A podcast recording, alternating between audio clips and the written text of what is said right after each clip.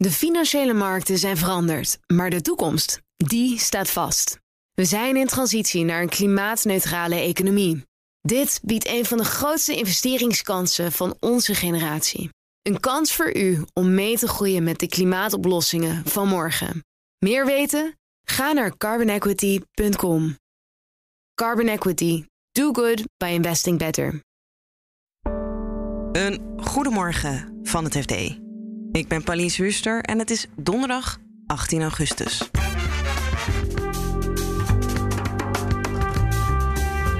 De energieprijzen zijn zo hoog dat bedrijven vrijwillig hun productie afschalen of helemaal stilzetten. Ik denk dat alle bedrijven met veel, die veel energie gebruiken, zijn op dit moment uh, daar aan, aan het kijken.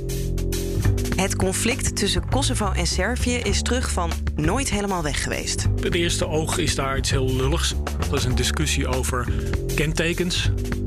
En weer slecht nieuws voor Philips. Er kwamen 48.000 meldingen binnen over hun slaapapneuapparaten. Van die aantallen zullen toch wel wat mensen zijn, dit grote aantal, dat je daarvan schrikt. Dit is de dagkoers van het FD.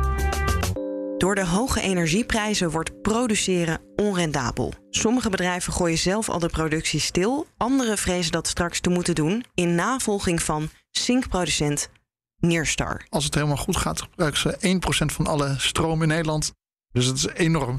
Um, wordt ook wel gezegd, het is evenveel als de stad Eindhoven. Je hoort Karel Gol, een van onze energie-experts. En zij hebben gezegd, het is, uh, het is zo duur dat wij uh, gewoon onze productie stilleggen. Dus de fabriek wordt nog wel warm gehouden. Hij kan weer worden opgestart. Maar op dit moment uh, gaat... ja, is er geen nieuwe zink? Nee, wat voor andere bedrijven gaan mogelijk hun voorbeeld eh, volgen? Um, heel veel. Ik denk dat alle bedrijven met veel, die veel energie gebruiken, zijn op dit moment uh, daar aan, aan het kijken. Ik sprak een uh, kweker en die zegt dat er dit jaar er zijn um, een derde minder gisanten, omdat uh, zitten in kassen. Kassen moeten worden verwarmd. Dat doe je met gas en, en elektra. Nou, dat is er minder, of dat is duurder. Nou, dan komt het eigenlijk niet meer uit. Uh, hij zegt ook van, ja, de, je zult zien dat uh, de kassen die worden, als je langs het west, west door, langs of door het Westland rijdt, zag je altijd zo'n glazen stad die helemaal verlicht wordt. Hij zei, nou, ik verwacht dat die lichten ook allemaal uitgaan. Of in ieder geval grotendeels uitgaan. Dus het licht gaat letterlijk uit in veel plekken. Ja, als er nou niet wordt ingegrepen, wat merken we hier dan van als consument uiteindelijk, als al die productie stilvalt? Partijen, um, ook de tuinders zullen um, lobbyen voor, voor geld of voor middelen of voor, uh, net als met voor steun in ieder geval van bedrijven, zodat ze uh, dit nog even kunnen uitzingen. Als er hier niet komt, dan zul je zien dat er, uh, ja, dan zijn er minder bloemen. En als er minder bloemen zijn en wel, net als voor mensen die het willen kopen, dan gaan de prijzen omhoog de gasprijs en de energieprijzen überhaupt, die zijn al een tijdje aan het uh, stijgen. Ik denk dat we ook niet per se in het vooruitzicht hebben dat dit snel ophoudt.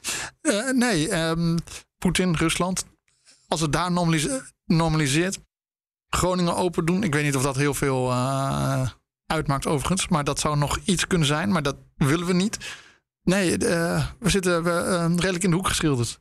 De producenten, de bedrijven die jij sprak, hebben die een soort stip op de horizon? Of zien die dit ook gewoon. Nee, nee, niet. De, de, ik sprak een, steenfabriek en die zegt ook van ja.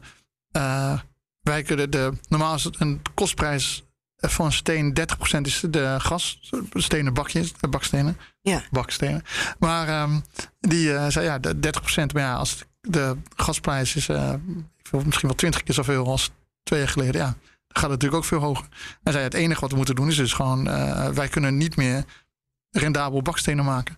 Dat betekent dat je minder bakstenen krijgt. Dus het enige wat zij hopen is dat op een gegeven moment meer bouwers, aannemers meer gaan betalen voor hun bakstenen. Zo niet, dan op een gegeven moment houdt het op. Ja. Dus uh, de, de, iedereen zei, we weten, we, we, weten niet, we weten ook niet wanneer, wanneer we weer gaan produceren en hoe. Um, maar het is wel een grimmig uh, beeld. En dan gaan we naar het conflict tussen Servië en Kosovo, dat al speelt sinds de jaren 90. Heel grofweg gezegd vindt Kosovo zichzelf onafhankelijk. Dat hebben ze ook uitgeroepen in 2008. Servië ziet Kosovo dan weer als een afvallige provincie. En dat conflict is nu verder opgeleid. Dus hebben de NAVO en de Europese Commissie de beide premiers bijeengeroepen in Brussel. Europa-verslaggever Han-Dirk Hekking vertelt wat er aan de hand is. Op het eerste oog is daar iets heel lulligs. Er is een discussie over kentekens.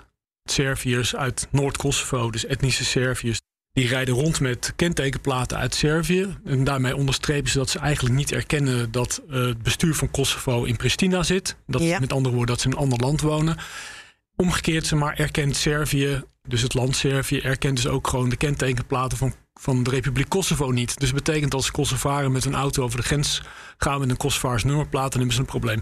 Nou, de Kosovaren zeiden op een gegeven moment van nu is het gewoon klaar met dit uh, gejen, getreiter zou je kunnen zeggen. Dat natuurlijk principieel is. Dus ik Ja. noem dat gejen, voor mij is dat makkelijk om te zeggen. Voor Kosovaren en Serviërs is dat niet zo. En die zeiden op een gegeven moment van nou, nu gaan die Serviërs als ze de grens overgaan, dan moeten ze ook maar gewoon een ander kenteken gaan gebruiken. Want een Servisch kenteken in Kosovo geldt gewoon niet meer. Vorig jaar leidde dat toch tot gedonder onderling. Toen hebben ze een tijdelijke oplossing gevonden. Die bestond in het afplakken van eh, zeg maar, de nationale symbolen op die kentekenplaten. Ja. Maar nu is eigenlijk de discussie opnieuw opgeleid. Eh, ja, en dat is nu de reden waarom eh, ja, de Europese Unie probeert om ja, die twee landen door beraad in Brussel eigenlijk weer een beetje ja, tot normaler gedrag aan te zetten. Gisteren al sprak de NAVO met eh, de premier van Servië en Kosovo. Vandaag dus de Europese eh, Commissie. Waar zijn ze eigenlijk bang voor? Waar ze eigenlijk bang voor zijn, is gewoon het opleiden van nieuw geweld eh, op de Balkan. Mensen die naar de Balkan kijken vanuit Brussel, die zien die regio altijd als een soort kruidvat. ehm, waar elk moment toch weer gewoon ja, een oorlog zou kunnen ontstaan. Zijn Brussel en de NAVO dan ook echt bang dat er, als jij het een kruidvat noemt, dat er geweld, oorlog komt zoals Oekraïne en Rusland? Of Ik denk dat eh, dat laatste, dat het geweld op de schaal van, ehm, van Oekraïne, dat dat eh, niet, eh, niet voor de hand ligt. Dat, dat gaat niet op die schaal gebeuren. Wat wel zo is, is dat je wil gewoon niet dat er allerlei animositeiten in de onderbuik van de Europese Unie gewoon leven. Eh, je wil eh, bijvoorbeeld als het gaat om, om grensbewaking en de strijd tegen mensenhandel, de strijd tegen corruptie, de strijd tegen eh, smokkel, dat soort werk, dat er functionerende staten in die regio zitten die op een normale manier zich met elkaar verstaan, die op een normale manier met elkaar samenwerken. En daar is in deze situatie eigenlijk onvoldoende sprake van. De internationale gemeenschap is nog steeds gedwongen via de NAVO bijvoorbeeld om een vredesmacht van een paar duizend man in Kosovo aan te houden. Uh, dat kost ook een hoop geld. Dat betekent ook zeg maar, dat uh, eigenlijk het feit dat die situatie daar zo volatiel is, dat er geen sprake kan zijn van uh, ja, een soort economische ontwikkeling die zowel ja, goed is voor Servië als voor Kosovo als voor de hele regio. Ja. Dus het is gewoon een bron van, van onzekerheid die je eigenlijk op dit moment niet, niet kan gebruiken, zeker in het licht van, van de oorlog in Oekraïne. De EU is eigenlijk verdeeld, want niet alle lidstaten erkennen Kosovo. Wat zou dan een oplossing kunnen zijn vanuit Brussel als we het daar al niet over eens zijn? Ja, dat is een heel goede vraag. Ik denk uiteindelijk dat een oplossing voor dit al heel lang durende conflict, uh, die kun je eigenlijk niet van de EU verwachten. Het is echt, uh, dat vergt politieke moed, zowel in Belgrado als in, uh, als in Pristina. Daar moeten leiders op een gegeven moment zeggen van de wereld is niet meer zoals die in de jaren negentig of daarvoor was, of in 2008 was. we moeten gewoon nu verder en, en op een respectvolle manier als buren met elkaar verder omgaan en elkaar serieus nemen als, als buurlanden. Maar dat moeten ze zelf doen. De Europese Unie kan eigenlijk alleen maar het overleg faciliteren en kan ook wel een beetje helpen uh, de partijen naar elkaar toe te brengen door bijvoorbeeld te zeggen van ja, als jullie verder geen progressie tonen in het overleg met elkaar, dan en geven wij bijvoorbeeld minder steun, financiële steun. Servië krijgt als kandidaat lidstaat van de Europese Unie natuurlijk gewoon bepaalde gelden ja. om zich voor te bereiden op de eventuele toetreding tot de EU. Kosovo krijgt ook bepaalde steun vanuit Europa. Ja, als die partijen op dat vlak niet bewegen, uh, dan kun je ook zeggen van ja jongens, dan houden het gewoon op met, uh, met die financiële steun of jullie krijgen gewoon, uh, gewoon minder. Ja. Aan de andere kant begrijpen die twee hoofdsteden ook heel goed dat Europa het vervelend vindt dat deze open wond in feite op de Balkan nog steeds bestaat. Dus die proberen ook gewoon hun huid duur te verkopen. Kunnen we dan eigenlijk, ja, de gesprekken zijn nog gaande. Maar dan kunnen we eigenlijk al zeggen dat er niet heel veel gaat veranderen tussen Kosovo en Servië. Ik ben bang dat uh, dat, dat klopt. Ik denk niet dat je moet verwachten van het beraad uh, in Brussel dat daar uh, de grote ultieme oplossing uit gaat komen. Wat de winst is op dit moment is dat, dat er in ieder geval dan weer gesproken gaat worden door die twee partijen. Maar de realiteit op de grond is, is uh, nog altijd dat ja, een meerderheid van de Kosovaren waarschijnlijk uh, niet heel veel concessies wil doen richting Servië. En in Servië geldt het precies hetzelfde. Dus je kunt hooguit als Europese Unie proberen dat overleg te faciliteren en proberen de dialoog gaande te houden. Proberen met kleine stapjes over technische afspraken, zoals de Europese Unie de afgelopen jaar gedaan heeft, proberen daarmee eigenlijk uh, die landen heel stapsgewijs kleine stapjes naar elkaar toe te brengen tot uiteindelijk gewoon de grote concessie mogelijk is. Maar dat vergt nog jaren. En tot slot Philips. De medische toezichthouder FDA kreeg in de afgelopen drie maanden 48.000 meldingen binnen die gerelateerd zouden zijn aan problemen met de slaapapneuapparaten van Philips. Een cijfer waar ook onze Philips-watcher Tjeu Vase van schikt. Ja, toch wel. Ik moest natuurlijk weer even rekenen met die getallen. Maar er kwamen er dus nu 48.000 bij. Eh, eerder hadden we gemeld uh, 21.000. Dus dat is wel een enorme toename. Je, je, je moet je ook voorstellen, hoe, hoe krijgen ze dat in godsnaam allemaal uitgezocht? Zo, zulke enorme aantallen. Ja, want die 21.000, dat was over een heel jaar. En dit is dan over maar drie maanden. Dus dat is wel een enorme toename dan. Maar ik begrijp inmiddels dat uh, in deze drie maanden zitten ook meldingen bij die al eerder gedaan zijn, maar die nu pas administratief verwerkt zijn. Dus dat geeft een beetje een vertekend beeld. Maar we weten eigenlijk dat sinds, die, uh, sinds Philips publiek heeft gemaakt dat die uh, problemen kunnen veroorzaken. Dat dat schuim kan verbrokkelen of kan, uh, kan verschrompelen. Dat er zich 69.000 69.000 mensen hebben gemeld met een verdachte situatie rond hun apparaat.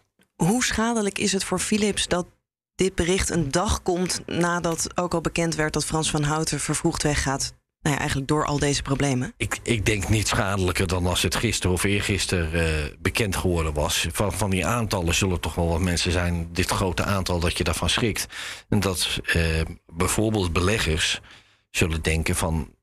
Dit wordt nog een enorme kluif om dit op te lossen. Om al te gaan kijken welke van deze meldingen zijn serieus, welke uh, blijken terecht, hoe gaan we die afhandelen. En het zou ook en dan uh, een voorbode kunnen zijn van de grote hoeveelheid claims waar Philips mee te maken krijgt. We weten al dat Philips met honderden claims te maken heeft gekregen. 153 gebundelde claims liggen er. Um, ja, dit zou een voorbode kunnen zijn van dat het aantal dus enorm, uh, enorm gaat oplopen. Ja, en we hadden het gisteren over de taak die er ligt voor de nieuwe topman. Toen zei je eigenlijk het onderhandelen over een schikking, dat is het allerbelangrijkste. Nou ja, dit is de eerste taak, dacht ik. Hè, van wat, zou ik, wat is nou het meest urgent? Lijkt me nou, zorg in ieder geval dat dat strafrechtelijke traject. Hè, dus, dus valt Philips strafrechtelijk iets te verwijten, dat ze dat. Um, dat, dat, dat ze dat met een afkoopsom uh, achter zich laten. Uh, die civielrechtelijke zaak, dat is veel complexer. Dat ja. gaat veel, veel ingewikkelder, veel meer partijen bij betrokken. Dus dat zal waarschijnlijk wel jaren gaan duren. En dat overigens kan het ook in belang zijn van Philips om op enig moment te schikken. Ja, maar het is hoe maar meer meldingen. Zijn. Nee, hoe meer meldingen, hoe lastiger ook, denk ja. ik. Ja. ja. Het, het grootste deel van deze meldingen eh, komt uit de Verenigde Staten. Hebben we een idee hoe het in Nederland staat? Nee, dat, uh, ik, ik heb het wel gevraagd in de inspectie Gezondheidszorg en Jeugd, die daar normaal gesproken over gaat. Die konden me dat in ieder geval vandaag nog niet zeggen. Um, misschien later wel. Um, wat we wel weten is dat er één advocatenkantoor is die een aansprakelijkheidsprocedure al gestart heeft tegen Philips. Die hebben Philips aansprakelijk gesteld voor mogelijke gezondheidsschade. En bij dat kantoor hebben zich 600 of ruim 600 patiënten gemeld. Um, ik weet niet of al die 600 patiënten dan ook werkelijk uh, zeggen: Mijn apparaat heeft een probleem of veroorzaakt een probleem. Maar het zijn in ieder geval 600 patiënten die ongerust zijn.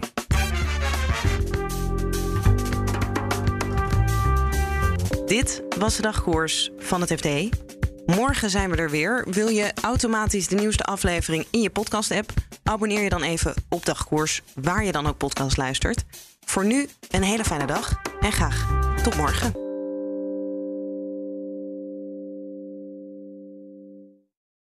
De financiële markten zijn veranderd, maar de toekomst, die staat vast. We zijn in transitie naar een klimaatneutrale economie. Dit biedt een van de grootste investeringskansen van onze generatie. Een kans voor u om mee te groeien met de pioniers van morgen. Meer weten? Ga naar carbonequity.com. Carbon Equity. Do good by investing better.